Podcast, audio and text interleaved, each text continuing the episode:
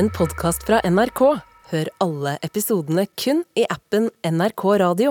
Bør vi frykte å bli liggende forlatte og hjelpeløse i alderdommen? For eldreomsorgen skriker etter folk, og det skal bli mye, mye verre de neste årene.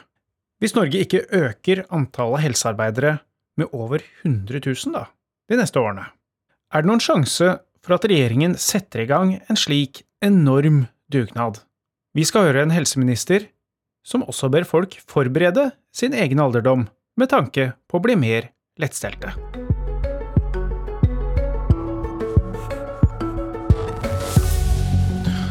Norges sykeste arbeidstakere er dem vi trenger mest av i framtida.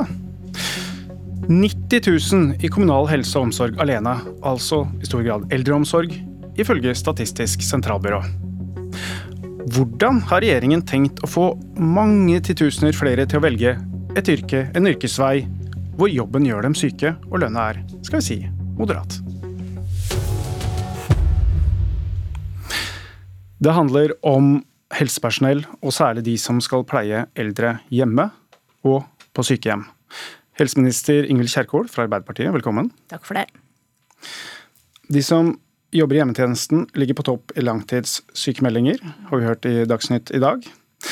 Sammen med de som jobber på sykehjemmene, som ikke ligger så langt unna, ehm, så ligger de på topp når det gjelder muskel- og skjelettplager, søvnvansker og psykiske plager. Vi skal høre først Svanhild Føre Johansen, som er sykepleier på sykehjemmet i Nærøysund.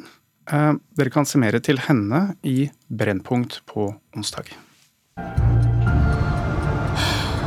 Og tårene trilla, for at uh, det har vært helt forferdelig. Og jeg har ikke lyst på jobb i morgen. Kjerkol, dette er kanskje ikke en reklameplakat for å gå inn i den yrkesveien? Nei, det kan du si, men uh, jeg tror nok at veldig mange som jobber i helsetjenestene våre, opplever at de har en viktig og meningsfull jobb, men at eh, arbeidsbetingelsene ikke gjør at de får tatt ut det. Og det oppleves nok frustrerende. Så vi er nødt til å investere i de fagfolkene vi har, de fagfolkene vi skal få. Og så må vi ha en plan for hvordan vi skal møte denne store endringa i det norske samfunnet, hvor vi får veldig mange flere eldre i samfunnet vårt. Jeg pleier å si det til det kjedsommelige. Vi har allerede passert én million alderspensjonister i Norge. og Det er en stor endring av samfunnet. og Det må òg reflekteres i hvordan vi gir tjenester til dem som trenger det. Når du hører her, de som jobber der, de blir utslitt. Statens eh, helse, arbeidsmiljøinstitutt de har forska på det, og de har sett at grunnen er noe som vi kanskje kan sammenfatte med at det er for få belastes med for mye. Det er spørsmålet hvordan skal man komme veldig raskt opp, kanskje, da? Og få flere til å hjelpe dem?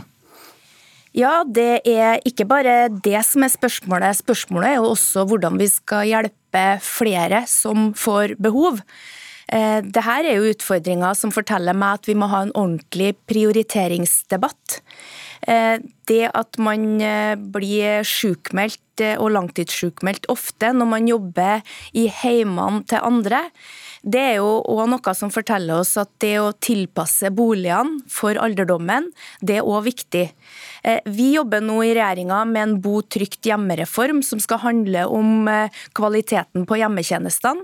Men det skal òg handle om virkemidler, sånn at hver enkelt av oss kan ta mer ansvar for alderdommen.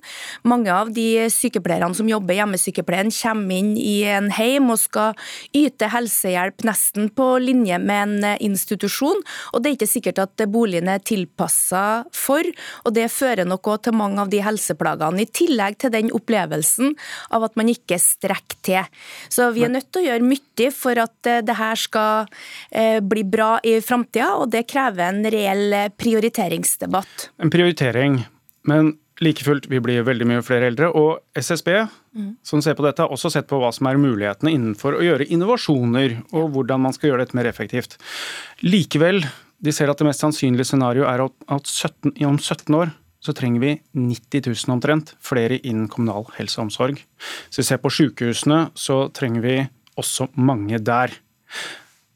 Hva gjør dere med det? Det første vi gjorde, det var å sette ned en helsepersonellkommisjon som nå har jobba i litt over et år. 2.2 så kommer de med sin rapport. De den rapporten, I den rapporten dere har satt ned helsekommisjonen, det var det store grepet? Nei, det stemmer ikke. Vi har gjort mer ting enn det, men du avbrøt meg, så jeg fikk bare nevnt helsepersonellkommisjonen. Vi må bare gå videre til et kjernepunkt der. For i helsekommisjonen så har de fått et mandat. Og det vi lurer på kanskje er, når du ser du trenger veldig mange arbeidstakere inn i en sektor, Tror du du får råd om kanskje å øke lønnsnivået, godtgjørelsene? I Norge så er lønn noe partene forhandler om. For Dere har tatt bort lønn. De får ikke lov til å ta med lønn i lønnskommisjonen, hvis man leser mandatet. Stemmer det? Den kommisjonen er bredt sammensatt. Der sitter fra, eller det sitter representanter både fra arbeidstakersida og arbeidsgiversida. Men jeg tror nok for å løse de utfordringene vi som samfunn står overfor, så må vi litt ut av rollene. Og det er jo andre områder, andre arenaer hvor partene forhandler om lønn. Det som er helt sikkert, er at vi er nødt til å møte framtida med et sett av strategier. Vi er nødt til å bruke flere. Vi må få til mer innovasjon, mer teknologi, flere eh, folk, men ikke minst så må vi klare å beholde dem vi har. Og så må vi òg hver enkelt av oss gjøre mer for at vi kan planlegge for en alderdom hvor kanskje ikke den livsstandarden vi hadde når vi var yngre, eh, er det som hjelper oss i det øyeblikket helsa skranter og man trenger hjelp. Mange ting, men altså bare for å være helt klart. Mm. De, ikke, de får ikke lov til å gi deg anbefalinger om økt lønn? Det er ikke en del av mandatet, men eh, det er jo en rekke Det sitter jo folk der fra Norsk Sykepleierforbund og Legeforeningen, og de kommer til å snakke om eh, behovet for økt lønn. Det gjør de i nesten hver eneste debatt jeg møter dem. Så jeg syns det er litt sånn ugreit å si at det er tatt ut av ligninga, for det er det ikke. Men oppdraget til kommisjonen det er å gi oss en plan. Det står ganske klart i mandatet at de ikke skal ta og vurdere lønn. Ja, fordi de er ikke et partssammensatt utvalg. Og det er okay. partene i Norge som eh, eh, avgjør lønnsdannelsen. Lill Sverdsdatter Larsen, leder i Norsk Sykepleierforbund. Eh, hvor stor tro har du på å kunne rekruttere veldig mange uten å legge mer penger på bordet?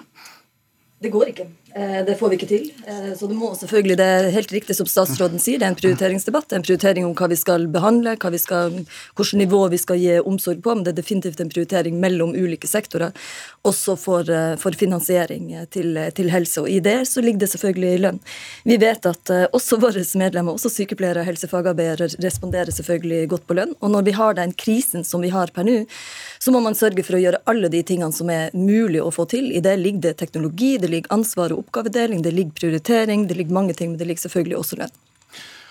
Bård Hoksrud, helsepolitisk talsperson i Fremskrittspartiet. Dere vil legge penger på bordet? Ja, Vi mener definitivt at det må penger på bordet. Derfor har vi også foreslått 1 milliard kroner ekstra til eldreomsorgen. Og det må øremerkes. Fordi statsråden eller det statsråden ikke tar her. Hun tar jo ikke ansvaret, fordi hun sier at dette er kommunenes ansvar. Så det er kommunene som må fikse opp i dette her. Men vi ser altså mange kommuner klarer ikke dette. Og det er klart når vi ser det som har kommet fram på Brennpunkt, så gjør det utrolig vondt. Dette er trist å se.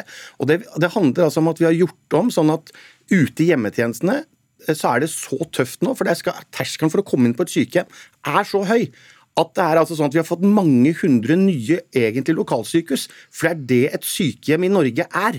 Og man altså må da styrke kompetansen, man må styrke bemanninga. For de er ikke rusta til å møte dette. Og dessverre er det altfor mange kommuner som velger å nedprioritere dette her. Du vil legge penger på bordet, men vil du legge penger Altså vil du hatt et mandat hvis du skal ha en kommisjon som skal løse utfordringen med helsearbeidere i framtida? Jeg tror det er veldig dumt man lager mandater hvor man tar bort deler av det som er essensielt, og det som veldig mange er opptatt av. For det er jo ikke tvil om at vi ser helsepersonell som eh, sliter, syns det er beintøft, og heller går over i andre yrker, hvor man altså får mer lønn og mye mindre tøff jobb. Så det er jo ikke tvil om at lønn er en del av det som må være totalitetsbildet her. Og når statsråden og regjeringa velger å ta det bort, så tar man jo bort store deler av det som også er en del av debatten. Så er kompetanse, antall ansatte, heltids og den type ting er kjempeviktig. Man må ikke glemme det. og så har vi så, så man må la uh, sånne type utvalg ha ganske vidt mandat å få lov å se på alt, for at man da skal kunne få den rette debatten etterpå. Kjerkol. Her, denne kommisjonen har et vidt mandat, og det sitter ikke bare én yrkesgruppe i eh, den kommisjonen. Det sitter veldig mange andre. Også uh, utdanningssektoren sitter der. Det som er viktig, er jo at vi klarer å utdanne, rekruttere og beholde de fagfolkene vi trenger. Det trengs det en plan for. Det er også bakgrunnen for at jeg har bedt sykehusene om også å lage en plan for de spesialistene vi har. Det har vi ikke hatt oversikt over tidligere. Det har vært et krav fra Sykepleierforbundet i mange år. Også til Bård Hoksrud og Fremskrittspartiet som påstår at eh, vi ikke tar ansvar. Vel, Fremskrittspartiet de hadde en egen eldreminister, la fram Leve hele livet-reformen. Det var en reform uten paragrafer, uten bevilgninger, fordi at kommunene skulle ta ansvaret sjøl. Nå snakker vi om, om hvordan man framover. Den gangen. Ja, og det, er veldig, det har vi vært opptatt av fra dag én, og det reflekteres også i alle dokumentene vi har lagt fram for Stortinget så langt. Vi trenger en bedre analyse av hvilke fagfolk vi trenger. Vi trenger også en bedre analyse og tiltak hvordan de ulike fagfolkene skal samarbeide om oppgavene. Og så trenger vi en heltidskultur. Én ting er lønn for sykepleierne våre, men de ligger også an til å bli tapere i pensjonssystemet systemet, fordi det er en utbredt deltidskultur. og det er heller ikke rekrutteringsfremmende. Vi har også sett på den siste rapporten til SSB som viser at de som jobber deltid, er de som har stått i yrket ganske lenge. Og SSB har ikke veldig stor tro på at det ligger veldig mange årsverk der. Nå sier du at du skal oppsummere veldig mange ting, men kommer det en plan nå før sommeren som sier dette skal vi løse? Sånn blir det. Det blir ikke en redusert eldreomsorg. Dere legger fram en plan. Vi må ha en prioriteringsdebatt. Vi skal legge fram en bo trygt hjemme-reform. Det skal ha et eh, boligprogram for eldre under Husbankens virkemidler. Det skal fokusere på så, så dere løser dette? dette løs, dere løser dette? Vi er nødt til å løse de oppgavene samfunnet legger foran oss. og Vi skal også legge fram en nasjonal helse- og samhandlingsplan. fordi Noe av det som er utfordringa, er jo at også eldre mennesker er inn og ut av sykehus. og Vi må se hvordan det pasientforløpet også blir Sa du et stikkord, for nå skal vi litt over til sykehusene. Mm. til slutt her, fordi du har akkurat holdt en sykehustale, og der har de også bemanningsutfordringer. Der løser de det med vikarer og innleie. Men der har du sagt til sykehusene det skal de kutte kraftig ned på. Hvordan i huleste skal det gå?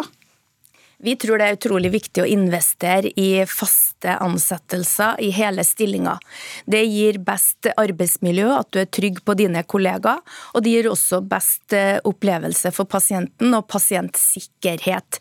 Så er det noen deler av Norge som vil være avhengig av innleie for å sikre seg den kompetansen som er nødvendig i sykehusene.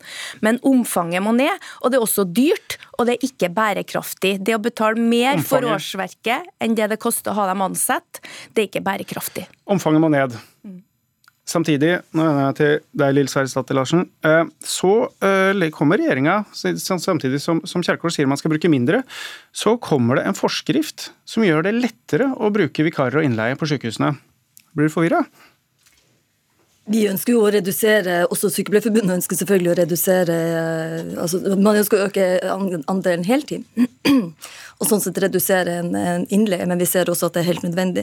Men det, den, det unntaket gjør for akkurat en kvinnedominert sektor som, eh, som vår, er egentlig å redusere ansatte sin medvirkning. For at det var fullt mulig å avtale seg til eh, innleie fra før gjennom arbeidsmiljøloven.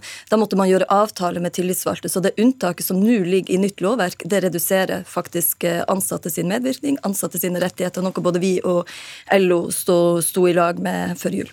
Kjerkol, hvorfor sier dere du én ting fra talerstolen, og så i forskrift så fester du det motsatte? Men nå, programleder, du la det fram som om det blir lettere å drive innleie.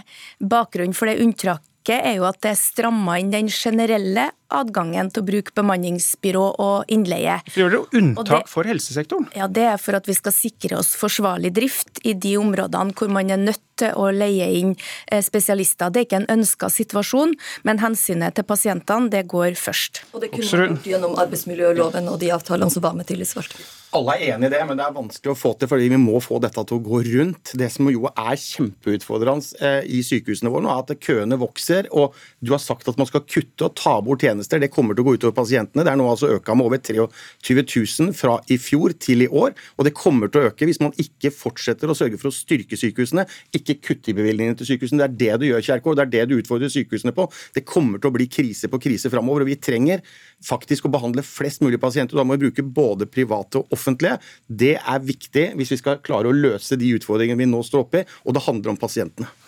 Kort til slutt, Kjerkol. Det som er utfordringa for sykehusene, det er at de som resten av samfunnet opplever en formidabel kostnadsvekst. Det er ikke sånn at Fremskrittspartiet eller noen av de andre partiene sine alternative statsbudsjetter for sykehusene kompenserer for det. Det betyr Det er ikke nok i det hele tatt. Og den kompensasjonen må dere diskutere videre utenfor dette studio. Takk, helseminister Ingvild Kjerkol, Lill Sverresdatter Larsen og Bård Hoksrud. Dette var Politisk kvarter. Mitt navn er Trond Lydersen. Du har hørt en podkast fra NRK. Hør alle episodene kun i appen NRK Radio.